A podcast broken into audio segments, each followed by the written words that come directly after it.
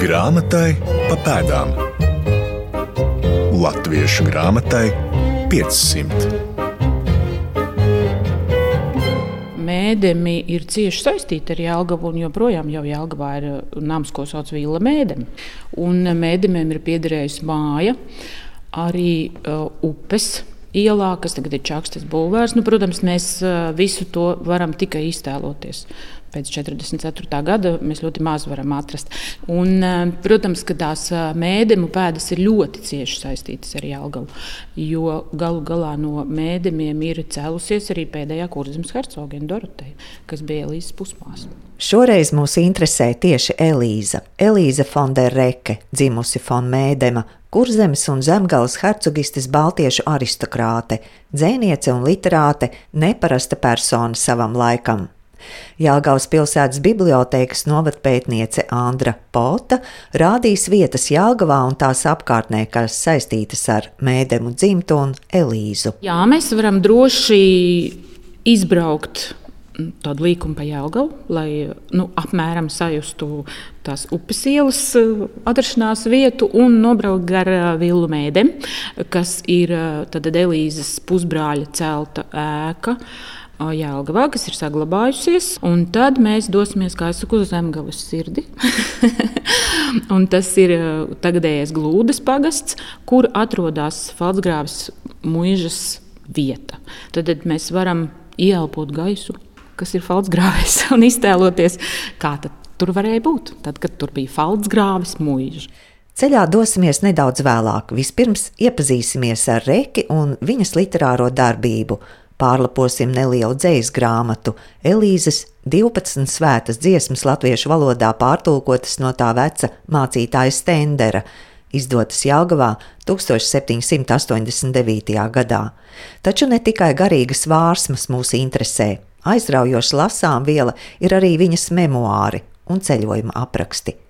Raidījumā tiksimies ar literatūras un vēstures pētniekiem, kas atklājuši un turpina atklāt daudz interesanta par Elīzu Fondereki. Mans vārds Laima Slava, un šīs dienas stāsts jūs noteikti rosinās sameklēt viņas memoārus vai izlasīt Ingūnas Bauveres vēsturisko romānu Elīza Fondereke Soļi rītausmā. Grāmatai pa pēdām. Vēstures zinātņu doktors Edgars Ceske iztulkojis Elīzes Fonderekas memoārus, kādas kurzemes muiznieces atmiņas un, kā viņš saka, nolicis uz plaukta. Līdz 2004. gadā, kad Rekei tuvojās 250 gadu jubileja, memoāri tika izdoti latviešu valodā Harjo von Hiršhaida apgādā. Viņas īstais vārds ir Šarlote Konstance Elizabete. Elīza ir vēlākais literārais pseidonīms. Edgars Ceska virtuozi izvedās pa biogrāfijas līkločiem. No Elīzes, Šarlotes, Konstances, Fonderēkas atmiņām, vai jūs arī varat uh, rekonstruēt viņas biogrāfiju? Jā, protams, tas jau nav ne tikai no atmiņām, tas jau vispār diezgan plaši pazīstams. Nu, īsumā tā biogrāfija ir tāda, ka viņa e, bija dzimusi tātad Friedriha Mēdēma ģimenē. Nu, Mēdēma vispār tajā laikā bija ļoti pazīstama Vācu-Baltiešu aristokrāta dzimte, un no 13. gadsimta uzskatīja, ka viņa ir viena no Jelgavas arī dibinātājiem. Elīza Fondereke bija pirmās laulības bērns. Tātad viņš bija precējies ar tādu Korfu, Luizi Korfu, tad ar ļoti slavena dzimte viņas uh, brālis, laikam, jeb tēva brālis bija Kruspils vaivadies vaivads. Tas skaities liels apgabals, toreiz viņš poļu tā kā vietvaldes tur tajā Kruspilī bija. Nu, lūk, tāda kofi bija ļoti pazīstama, ļoti bagāta dzimta, bet šī laulība ar šo pirmo sievu bija nelaimīga, jo viņa nomira diezgan ātri. Un Elīza to ļoti pārdzīvo, un tas viņas biogrāfijā ir. Nu, protams, tas ir trauma bērnam, četru gadu vecumā pazaudēt mātu. Un tas bērns, tas bija tas Friedrichs, kas bija Jefricis, kā viņu viņa sauc, tas bija jaunākais. Nu, divi bērni bija tikai, un tas bija jaunāks par viņu, bija gads bija, un tad šie divi bērni palika bez mātes. Un tēvs aprecējās otrais, apprecējās ar tādu mantēfeli, un no šīs mantēfeles viņam bija vēlāk kurzemes hercogiene Doroteja un vēl divi dēli. Arī šī sieviete nomira, pamāte, var teikt, vai ne? Un trešā bija Agnes Foka, Brikena Foka, no kuras bērnu nebija, bet kam bija ļoti liela nozīme, vēlāk pateikšu, kādā tieši garīgā izaugsmē. Un traģēdija jau bija tā, ka tā Elīza, toreiz viņa saucās Šarlote, viņa sauc par Loti vienkārši Lote, viņa nonāca nevis pie tēva, bet viņa nonāca pie vecmāmiņas. Un šī vecmāmiņa nevās nebija tāda, ne tuvu nebija tāda, kādas mēs parasti uzskatām vecmāmiņas, bet tā bija vecmāmiņa, kas bija nežēlīga. Vārdi īstā nozīmē, kura pēra par mazāko pārkāpumu. Viņa ārkārtīgi stingra, nežēlīga, nesaprata bērnus pilnīgi nemaz. Pirmais viņa balsis bija paklausība. Šeit mēs sastopamies ar to, ka varbūt vēstures literatūrā nav pareizi novērtēts tā barona nežēlība raksta, nu, teiksim, mēs zinām, visi, jā, tur tautas dziesmās, tur baroni, tur pēra, un es vāciet dancināt uz baltiem ķieģiem, jo vāciet saukst lēcies pa ko ruguntiņu. Bet patiesībā ir noklusēta viena detaļa, ka baroni pret saviem bērniem izturēs tikpat nežēlīgi, varbūt pat nežēlīgāk ne pat latviešiem, jo te jau tas ir, vai ne, kad per par katru mazāko sīkumu. Un to otrs, tā saka, viņas tas ļaunais ģēnijs, tas, tās lotes, mazās lotes bija viņas māsīca, kas bija gadus desmit par viņu nu, vecāka. Tas jau bija tāda dāma, kurai nāca pielūdzēt, un kas pazemoja to mazo loti uz katra soļa. Tas arī tur aprakstīts. Nu, var jau būt ka emocionāli, jo mātes nāve, tēvs aiziet, tēvam dzīve, cita ģimene, tad es neesmu vajadzīga tēvam, vecmāmiņa mani tiranizē. Tāda bija šī situācija. Un tur, starp citu, vēl kas interesanti, parādās vēl viena persona. Tā ir dzimtļožu meitenes sapa, kas ir aukle, un tā ir vienīgā, kas ir eh, jūtīgā dvēsele pie kuras meitene var pieglausties, kura viņu saprot, kur viņa samīļo, jo viņai pilnīgi nebija neviena cilvēka. 12 gadu vecumā Elīze, jeb kā viņu tolaik sauc Lotte, nokļūst pie sava tēva trešās sievas Agneses, kura ir izglītota dāma, daudz lasījusi, bet kādu izglītību bija guvusi Elīza? Izglītība vispār viņai nebija nekāda.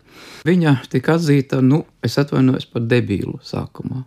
Jo visi tie pērieni, un viss pārējais viņu nu, padarīja par tādu diezgan trulu. Un viņa saprata, ka viņai galvenais ir paklausīt, lai net, netiktu pērta. Un līdz ar to viņai radās kaut kāda laikam aizture, jo tajos laikos jau galvenais bija sāka reliģiska audzināšana. Tie bija katehismi, tur, teiksim, cik ir personās dievs tas kungs, tā saucamā ticības apliecība. Viņa nekādiem nevar aptvert, jo tas bija, nu, bija bērns. Nu, protams, bērns nevar saprast tādas filozofiskas, abstraktas lietas.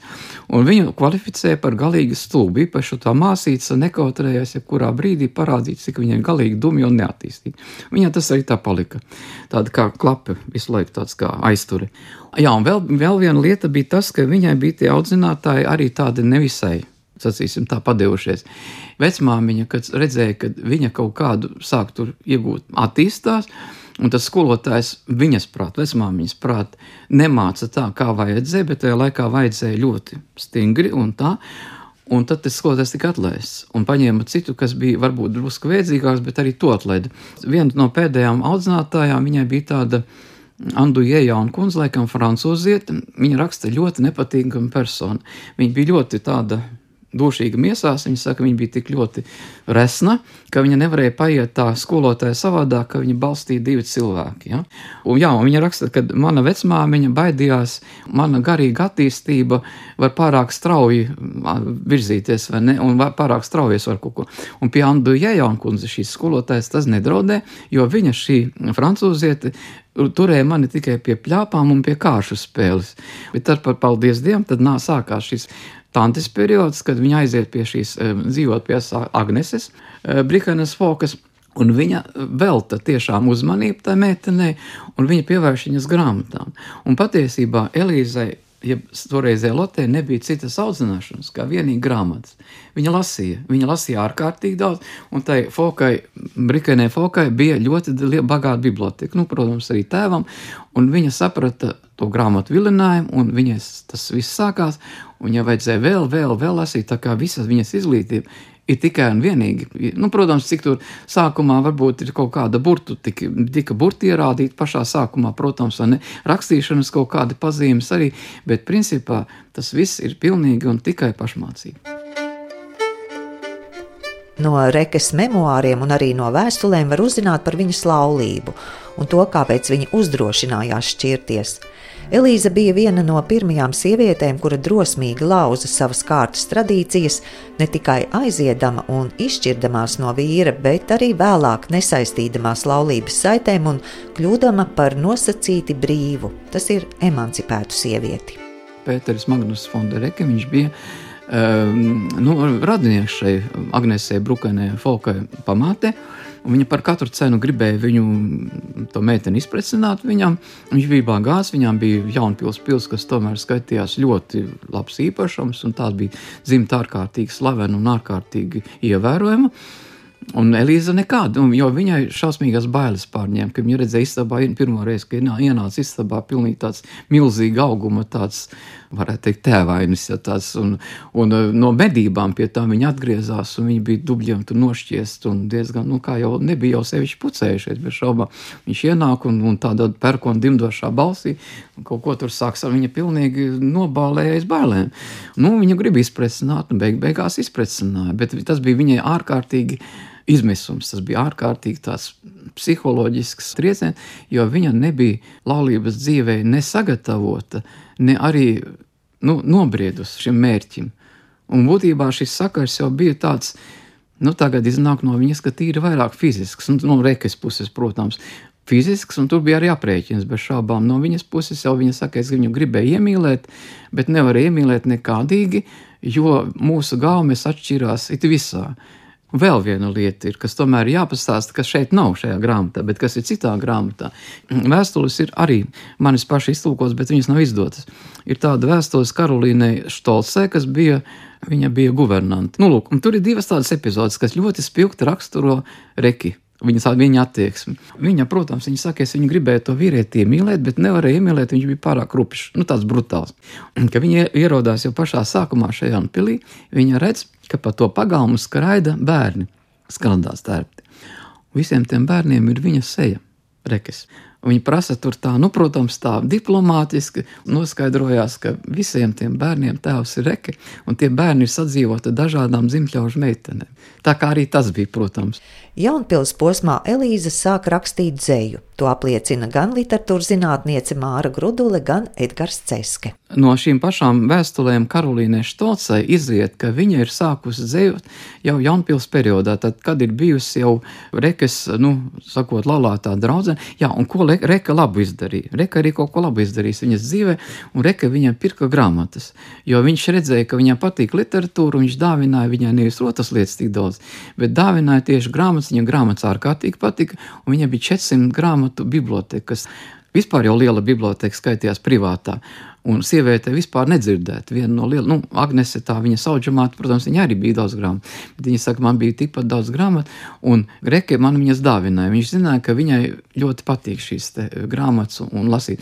Un varbūt tieši tad, jo viņai bija arī tāds eh, pielūdzējs, viens no tātad mācību spēkiem Jelgavas Pētera ģimnāzijā, akadēmiskajā ģimnāzijā. Viņš ļoti īstu laiku, kur e, bija, un, un pēc tam ļoti ātri nomira, viņa 20 vai cik tur gadu vecumā, viņš bija dzēnieks. Hartmanis bija viņa uzvārds. Un e, viņš bija iemīlējies viņā. Nu, viņa, protams, precēta sieviete, viņa nedrīkst neko tādu atļauties, bet viņa zināja, ka tas Hartmanis viņai iemīlējies un, un ka viņš viņu pielūdz, burtiski dievina. Un tas tur tajās vēsturēs tas arī parādās. Un man liekas, ka ap to laiku viņa arī sāka dzējot. Bet vēl viena lieta ir, viņa te ir jāatcerās, ka Jelgava tajā laikā nebija fiziski ar dzelzs mūri sienu atdalīta no, piemēram, no Eiropas. Kurzeme nebija. Vidzeme varbūt zināmā mērā jā, kurzeme nē, jo kurzemē, piemēram, nepastāvēja cenzūra. Un visas grāmatas, ko izdeva, piemēram, Vācijā, Leipzigā, Dresdenē vai citās vietās vai Berlīnē, ļoti ātri sasniedz arī Jelgavu. Tātad grāmatu tirgotavās parādījās. Un tur bija tāds tajā laikā, pat Gēte vēl nebija sācis dzējot. Gētem parādījās pirmās mm, grāmatas, Janā Verters ciešanas, bet bija tāds Mārtiņš Vīlāns. Un tad Vīlāns un Klopštoks tie bija tie dzīvi dzēnieki, kurus tā minētā Karolīne un arī, arī Elīze viņa rakstiet ņemdamās lasīja šo dzēju un ārkārtīgi gribēja ar viņiem personīgi iepazīties un paspiest roku. Tas bija viens no iemesliem, kāpēc viņa ar to otru savu draugu Sofiju sāka ceļot pa Eiropu. Artefakta gaismā. Dodos uz Latvijas Nacionālo bibliotēku, kur reto grāmatu un rokrakstu nodaļā glabājas gan stendera tulkotas Elīzes 12 svētas dziesmas, gan dziesmu grāmata, kas saistījusi Latvijas Universitātes humanitāro zinātņu fakultātes profesoras Māras Grudules uzmanību. Bet interesantākais ir tas, un to es tikai pavisam, pavisam nesen atklāju, ka Gotkārds Rīgas Stenders nav vienīgais, kas ir reki atceļojis latviešu valodā. Un tāpēc ir arī otra grāmata. Otrs autors ir Baumbachs, mācītājs Baumbachs, kas ir tulkojis vēl vairāk nekā Stenders, Elīzes Fonderekas dziesmas. Latviski šeit viņam bija pa 21 pielikumā šeit. Un tas ir arī kaut kas tāds pilnīgi negaidīts. Bet runājot par Reki, jāatzīmē, ka viņa bija viena no apgaismības laikmeta, mēs varam teikt, Baltijā noteikti ikoniskajām figūrām, bet es domāju, ka viņa bija arī ļoti populāra tā laika, viņas dzīves laikā zināmā daļā komponistu, kuri aizrāvās ar garīgu dziesmu komponēšanu, jo ne tikai Hillers un Naumans, par kuru īpaši jārunā, bet arī virkne citu komponistu ir viņas dziesmas komponējuši. Zinām, kādi pieci vai seši.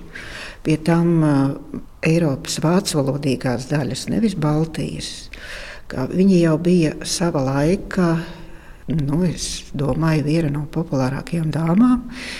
Pirmkārt, viņai bija laba izglītība, un tieši muzikāli, mākslinieciski. Un var teikt, ka Vācijā 18. gadsimta otrajā pusē mūzikas kultūra piedzīvoja milzīgu uzplaukumu, izjūt ārpus baznīcas sienām, salonu mūzika, mājas muzicēšana bija obligāti izglītotās sabiedrības daļas kultūras dzīves sastāvdaļa, mājas koncerti.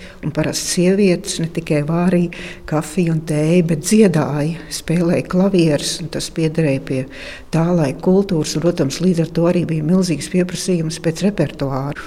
Un vēl jau smalkāk tad, jā, šo repertuāru palīdz veidot sievietes ar dziesmu tekstiem. Un Elīze Fundereki bija ne tikai muzikāli ļoti izglītota ģimenē, bet viņa arī bija daudz lasījusi. Līdz ar to arī acīm redzot, ar labu ritmu izjūtu, viņa arī dzējoja. Bet, ja mēs skatāmies tādā vācu literatūras griezumā no mūsdienu viedokļa, tad, protams, ka viņas dzēja pati par sevi. Nu, tā ieguļas tādā sentimentālismu gultnē, bet teikt, ka viņai būtu īpaši ģeniāla dzēja, to es noteikti neņemtos apgalvot.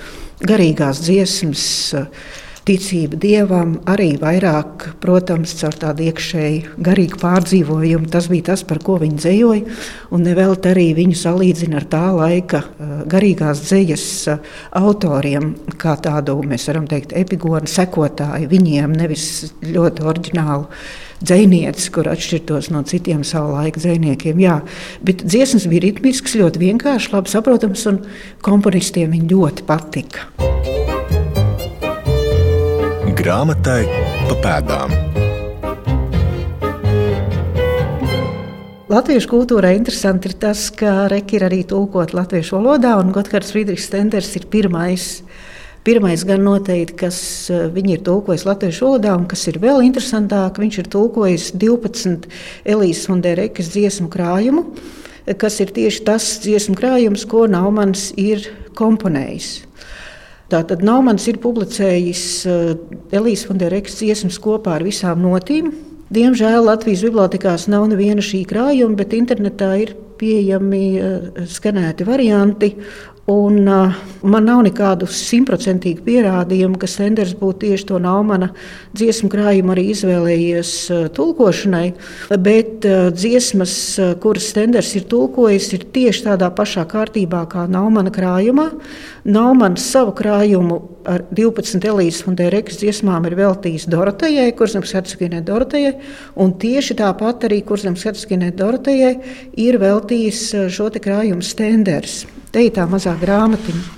Pilnīgi brīnišķīgs tāds. Māra Grudula atšķir mazo dzējas grāmatiņu un pievērš uzmanību Stendera sacerētajam ievadam. Elīze Mundereke arī rakstīja garīgu dzēju, kas bija tā laika modes lieta. Ne tikai lai mājās dziedātu šīs garīgās dziesmas, bet, ja mēs runājam par Latvijas situāciju, tad arī dažādot repertuāru draudzes dziedāšanai baznīcās par to, ka varbūt tieši Bambaham, tam otram tulkotājam, Nestenderam ir bijis tāds mērķis, liecina arī tas, ka tās Elīzes Funderekas dziesmas ir pieliktas dziesmu grāmatas pielikumā. Un Šī dziesmu grāmata ir domāta draudzes dziedāšanai. Šeit mēs noteikti nevaram teikt, ka Bampaham būtu jebkāda doma par solo dziedāšanu pie klavierēm. Un, uh, ja mēs paskatāmies tajā Bampaha krājumā, atšķirībā no Stendera, viņš ir norādījis konkrētas garīgo dziesmu melodijas apakšā, kas bija latviešiem Varbūt, ja ne latviešiem, tad draudzes mācītājiem pazīstamas. Bet Stenders tās melodiju norādes neliek. Viņš arī nepublicē. Viņam arī ir grāmatas latviešu valodā, kas domāts draudzes dziedāšanai. Tur viņš nepublicē. Viņš uztaisa atsevišķu mazu grāmatiņu, un par to, ka tās varētu būt domātas solo dziedāšanai, liecina arī tas mērķējums uz Doroteju. Viņai tieši sievietes balsī, mēs varam teikt, sievietes balsī, kas varēja būt Doroteja, varēja būt arī kāda latviešu meitene. Varbūt un melodiju norāžu nav, bet tā pāris gadu atstarpe pēc Naumana komponētajām dziesmām vācu oriģinālā arī norāda uz to, ka varbūt tas Naumans bija idejas devējs. Aha, arī solo dziesmas latviešiem dziedāšanā latviešu valodā. Latvieši jau arī mēs zinām, jau 18. gadsimta otrajā pusē piedalījās gan mūžās rīkotajās izrādēs, ja tādas bija, gan arī koncertos laukos. Tā kā varēja arī būt kāda talantīga zemnieka meitene, varēja pie klavierēm mūžā dziedāt. tas liekas aizraujoši. Varēja arī šī būt kāda dzīsla grāmata. Arī, arī, protams, arī, arī lasīšanai. Jā. Jā. Nu, līdzās tam, ka ir tāda dieva gādāšana, dieva mīlestība, kas, protams, caurauž šo krājumu, padavība dievam, uzticība dievam, ticība uz dieva atbalstu viscaur, ir arī apgaismības laikam tādas ļoti raksturīgas idejas šeit, eh, simpātijas pret trūcīgo sabiedrības daļu. Atbalsts, vēlēšanās palīdzēt, nebūt skopam. Tas ir tas, kas arī, arī šajā krājumā ienāk. Tāpat arī priecāties par to, kas ir, novērtēt dzīvi, kas tev ir dota. Varbūt negribēt pārāk daudz, jo tas vienmēr dod skumjas, un bēdas un dusmas. Bet, tāpēc ir tāda dziesma, sātīgas dzīvošanas laima. Atklājam tekstus. Dievs dod kā tēvs ar gudru ziņu pie darbiem un pie sātības. Tas putniņš meklē barībiņu, uz ziemu skudra salasās, nekas stāv gatavs pasaulē, ar sviedriem jāpelna maizīte. Bauda krājumu uz goda vīzi un spriekšu gudri taupīdams, tad zeme taps par paradīzi, kas dažam top viens vārgu nams. Dievs, darbi, zelta sātība, te prieki nāk un laimība. Tikuma dziesma, lai roka vaļa ir kā sirds, dot labprāt nabadziņam, to glābt, kam jācieš sūra pirts, palīdzēt vārguliņam, ka jau nekas, kas žēlojams no man aizietu vaidēdams, bet viņa sirds man svētīja. Es taptu darbos rādījis, kā es, cik spēdams vārgumu, kas brāļus spiež, atviegloju, nevienam neatraujos. Tad brāļu mīlība arī tāds jauks motīvs. Elīza Fondereke rakstījusi arī veltījuma un mīlestības dzēju, to virstēma - garīgais pārdzīvojums.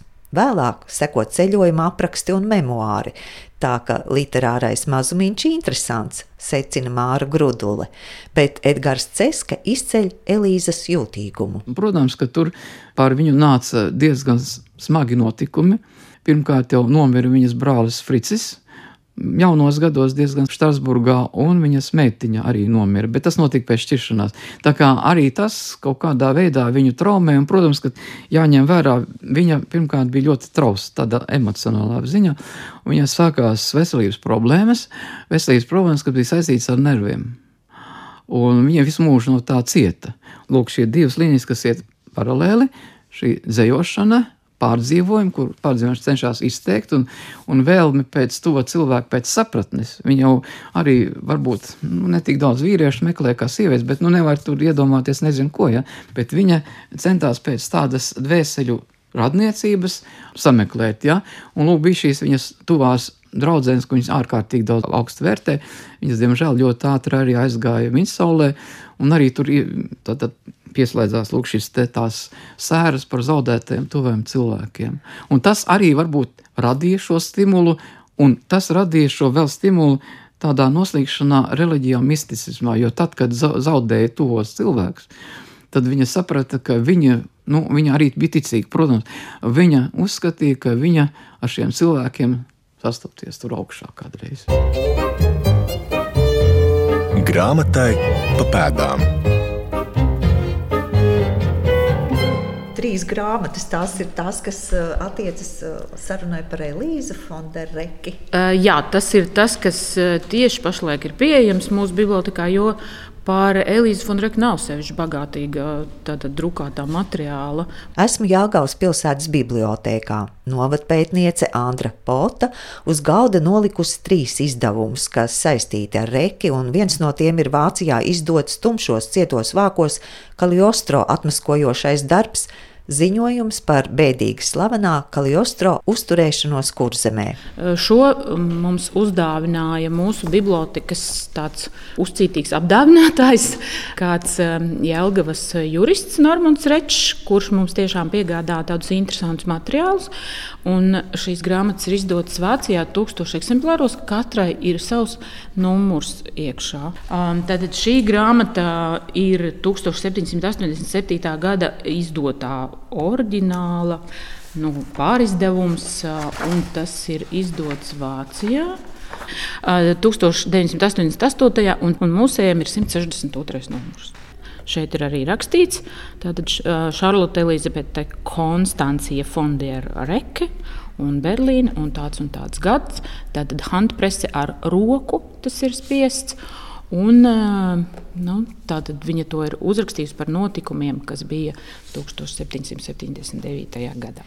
Tā kā sastapšanās ar Kaliostro notikusi Jālgavā, interesējos sīkāk, kā Elīza nonāca saskarē ar bēdīgi slaveno mistiķi. Viņa ļoti gribēja sazināties ar saviem aizsaulē aizgājušiem mīļajiem, ar māti, ar brāli un meitiņu savu. Un tāpēc viņa ārkārtīgi aizrāvās ar tām lietām, kas tādas, tādas mistikas lietas jau bija, nu, var teikt, modernas tajā laikā. Un viņas tēvs un tēva brālis abi bija tie, kas dibināja to ložu brīvmūrnieku loži Jelgavā. Un arī viņi bija ļoti pārņemti ar tām misticisma lietām. Pat pēc Elīzes Rekas dienas grāmatas spriežot, uh, ja var ticēt, protams, tam, ko viņa ir rakstījusi, ka viņas tēva brālis, kam piederēja Vilcis mūža bija pārliecināts, ka viņš atradīs tur uh, senās bagātības, uz kurām jākaļ ostro norādīs, un ka tās tur tiešām ir, un uh, vairos nu, savu turību. Pašu mēdemu namā tas uh, ir bijis droši vien arī tajā pašā upes ielā. Un, uh, jā, tieši te tieši te tas kaļostro ir bijis. Te viņi ir būrušies, ja tā var izteikties, zīlējuši un mēģinājuši izsaukt tos mirušo garus. Tieši te Jālgavā. Ja? Un tad viņi atklāja, ka viņš ir krāpnieks. Jā, Neteiksim, ka viņa to pilnīgi un absolūti izdomāja saviem spēkiem, jo iesākumā Elīze Rekri bija gan apmāta ar šo lietu. Jo viņa, var teikt, ir ticējusi ļoti tam caur savu ticību dievam. Jo, protams, ka tajā laikā, ja tu biji labi audzināta sieviete, tu, protams, biji ļoti dievbijīga un viss notika ar paļaušanos uz dievu. Viņa ļoti krita tajā ticībā, var teikt. Un uh, tad daļēji viņai palīdzēja tikt uz tā reālā ceļa, realistiskās izpratnes Švanders, kas arī ir gan zināma persona Jēlgavā, kurš bija jurists un ar tādu vēsu prātu daudz ko tvēra. Un viņš bija Elīzes tēva draugs, un viņš bija viens no tiem, kas tomēr centās viņu uzvest uz ceļa, ja tā var teikt, ka nu, nav tā gluži, ka tu vari sazināties ar mirušo gariem. Un, un viņam bija liela nozīme tajā, kā Elīze uzrakstīja to atmaskojošo grāmatu par Kaļostro. Kā es teiktu, tomēr ļoti tas mērogs ir nu, varens. Ja? Jo, kā liekas, nu, kas tad Jēlgava tajā laikā mītava, kaut kāda provinciāla pilsētiņa. Bet uh, tomēr tā saistība ar uh, Krieviju, kas tajā laikā jau ir uzlikusi to ķepu uz kurzemes hercogistes, un uh, Kaļostro iespējams, ka gribēja izmantot to Elīzu, lai nokļūtu attiecīgi Krievijas galmā un uh, uzdarbotos tur. Bet, uh, Nu, tieši viņa bija tā, kas sagrāva viņa cerības. Krievijas ķēzariene Katrīna II vairākās vēstulēs Rekei izteica savu personīgo atzinību un pateicību par apgaismības rakstniecību, ielūdza apmeklēt Pēterburgu un piešķīra Falcgrāvis mūžu. Andra Pota visu savu mūžu dzīvo blakus vietai, kur atradusies mūža. Patiesībā es dzīvoju uz mūžas zemes. Un vēl dažus palikušos kokus arī redzu katru dienu. tāpēc man tas likās ļoti interesanti. Kā pašu mūžu tiesa nevar atrast, mūža nav saglabājusies, bet eh, dažādos eh, avotos var atrast šo un to par Falsgrāvis mūžu un par Elīzes Fonrekas saistību ar šo mūžu. Kā piemēram, pateicība no Falsgrāvas pagasta, kas ir publicēta Latviešu avīzēs 1835. gadā. Elīze Fonreka aiziet mūžībā 1833. Vācijā. Un no šīs pateicības var saprast, ka viņa pati, gan, protams, tur nav dzīvojusi, bet šo mūžu viņa saņem no ķēzarienes Katrīnas kā balvu un kā pateicību tieši par kaļostro atmaskošanu. Mūžas ļaužu vārdā rakstītajā pateicībā izskan tādi vārdi, ka viņa ir bijusi ļoti ieinteresēta savu ļaužu likteņos un dāvinājusi arī grāmatas, starp tām arī savu Elīzes 12 svētās dziesmas. Bet ar ko viņa vispār ir ļoti ievērojama ar tādu mūsdienās nu, pašsaprotamu lietu, kā sievietes pašapziņā par to viņas cīņu par savu, savu pastāvēšanu, kā, kā Elīzes un Rekas, nevis tikai teiksim, Rekas sieva, dzemdējumā mašīna, tas eh, izraisīja daudz konfliktu. Nu, viņa ir ļoti emancipēta dāma, un es teiktu, ka viņa droši vien šobrīd būtu kaut kādas mītu pirmajās rindās, un tā tālāk spriežot pēc viņas rakstiem un darbiem, ko viņa ir darījusi. Jo tajā laikā šķirties no vīra, tas bija, bija neiespējama misija, bet viņa to izdarīja. Un vēl vēlāk kļuva par Vācijā gan slavenu dzinieci. Grāmatai pa pēdām.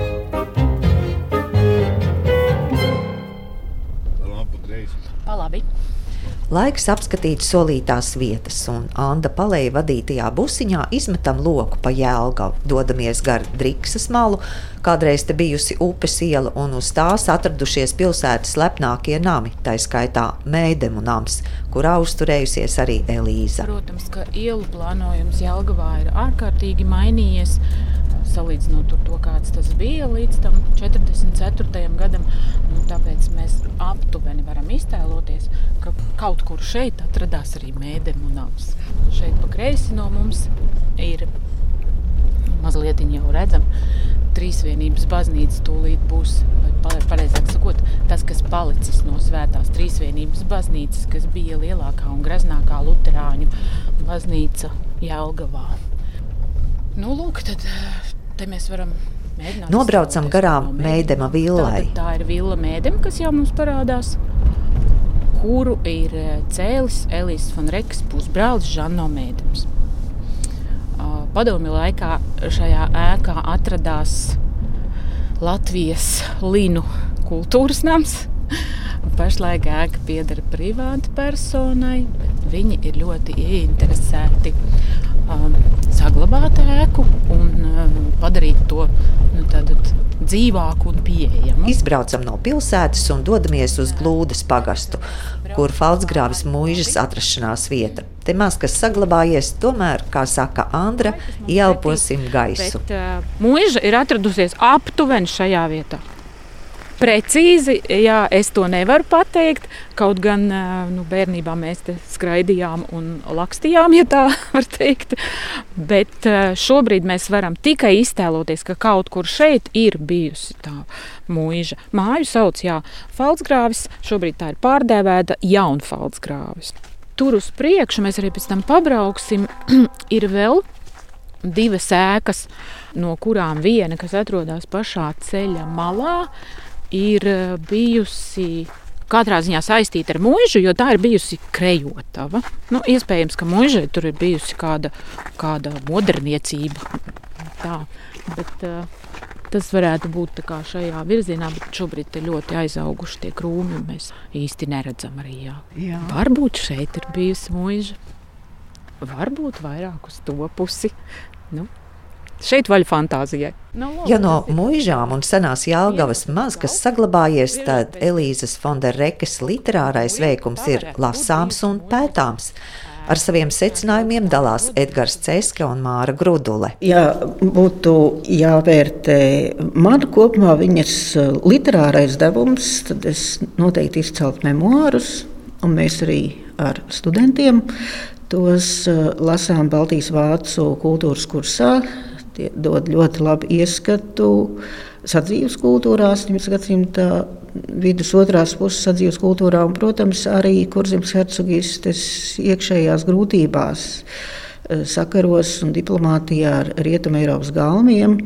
Bet uh, līdz tam, kā otro, es noteikti nosauktu Elīzes Fonderekas ļoti aizraujošos ceļojuma aprakstus. Man ir ļoti žēl, ka tie nav tulkoti latviešu valodā, un tie ir palikuši, manuprāt, arī 19. gadsimta pirmās puses šajos pirmizdevumos pieejami. Nacionālajā bibliotekā ir ļoti, ļoti interesanti viņas vērojumi 18. un 19. gadsimta mijā, viņas tikšanās lūk, ar dažādām izcilām tā laika personām, viņas pasaules uztvere, viņas nicinājums pret frančiem un franču postīt kāri. Tas ir Napoleona kara laiks, Eiropas kultūras vērtību nenovērtēšana, postīt kāri var just tas viņu. Tas viņu ļoti, ļoti sanikno un tajā pašā laikā arī tādā varētu teikt, labi izglītotas, arī diezgan augstprātīgas. Tas jāatzīst, kundzes skats uz savu laiku sabiedrību un cilvēku attiecībām, un arī tur var izlasīt, jā, zinām, vientulību. Es domāju, ka dzīve viņai bija sarežģīta ar visām dvēseles kolīzijām jau no agriem gadiem un kāzām. Kaut gan es noteikti nepiederētu tiem, kas mestos kritizēt viņas vīru. Ir arī tādi interesanti fakti, kam varbūt ir pievērsts par maz uzmanības, ka viņa atceļoja uz kurzemi tieši brīdī, kad viņas šķirtais vīrs jau bija pagājuši kur tie gadi, nemaldos 795. un 96. gads, mira, un viņš nomira viņas uh, klātbūtnē. Es domāju, viņi bija pilnīgi dažādi cilvēki. Viņu vairāk interesēja zemes darba un saimniekošana, un viņiem vairāk interesēja garīgās vērtības. Bet eh, tā jau tu esi šķīries un uh, gribi varbūt izsvītrot. Es varbūt no tāda mūsdienu cilvēku viedokļa to redzot, tad jau tu tā neatgriezīsies un nesēdies pie gultas, kad tavs bijušais vīrs mirst. Jā. Man liekas, tas arī tāds, lai nu katru būtu bijis tāds ļoti skaists skaists žests no viņas puses. Es domāju, ka tomēr viņa ir pietiekoši neordināra personība tajā ziņā, ka viņa nedomāja tā kā pārējie. Viņa pie tām tika arī pārbaudīta fiziski un visādā citādā ziņā, bet viņa savu es, savu viedokli paturēja, uzdrošinājās viņu aizstāvēt. Vispirms kurzemes tādā reģionā, pēc tam visā Eiropas mērogā par viņu sāk runāt Eiropā. Tad, tad viņa bija tāda sieviete, kura nebaidījās no sava viedokļa atklātas paušanas un stāvēja par sevi un savu viedokli un aizstāvēja. Vietām arī ļoti intelektuāli, ļoti garīgi, bagātīga personība. Un vēl kas jāatceras, ka mēs tomēr esam Eiropas daļa, Latvija. Nu, labi, mēs nevaram teikt, latvieši, viņa tur latviešus tā vai šitā, bet tomēr viņa bija personība ar Eiropas domāšanas dimensiju. Māra Grudule bija paņēmusi līdzi 2018. gada izdevumu ar Rekes portretu uz vāka, lai parādītu, ka Elīza Fondereke joprojām ir pētnieku uzmanības centrā. Vācijā izdotajā rakstu krājumā pētnieki, arī igauņu starp citu, skata viņas dzīvi un darbību no dažādiem aspektiem - par femīno, par reliģisko un garīgo dzīvi, par ieguldījumu diplomātijā, atsevišķa nodaļa par Elīzu mūzikā un mākslā, un viņa starp citu ir daudz portretēta jau no jaunības. Tā varam izsakot, kā sieviete 18. gadsimtā tiek rādīta pamazām novecojot bet šo Elīzes Fonderekas radioportretu man palīdzēja veidot Māra Grudule, Andra Poota un Edgars Ceske. Viņiem saku lielu paldies! Raidījuma padomdevējs Latvijas Nacionālā bibliotēka par skanējumu rūpējās Nora Mitspapa, producente Santa Lauga. Mans vārds Laima Slava. Nākamajā raidījumā skatīsim Johana Kristofa Broces monumenta desmit sējumus un pētīsim viņa zīmējumu pielietojumu mūsdienās. Grāmatai pa pēdām. Latviešu grāmatai 500.